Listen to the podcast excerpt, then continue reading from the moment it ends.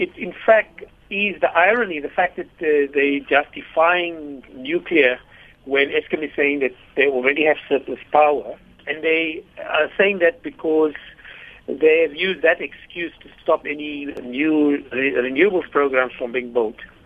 But they want to go ahead with nuclear. So these are contradictions that uh, we think uh, that uh, they are, are pursuing nuclear for other reasons other than uh, the fact that we need it.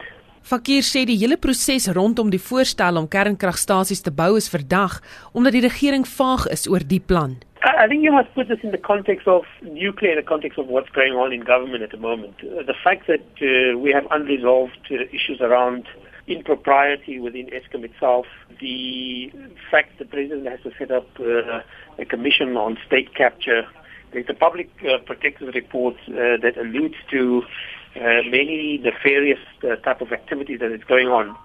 I think that in the public mind, the nuclear program has no legitimacy given the, the, the shroud of secrecy that is surrounding it and the fact that the government uh, itself has not resolved uh, issues around state capture. And so this entire nuclear deal, in, definitely in public uh, opinion, is seen as, as something that uh, has nothing to do with nuclear, but other things that people want to do when the nuclear program is put in place.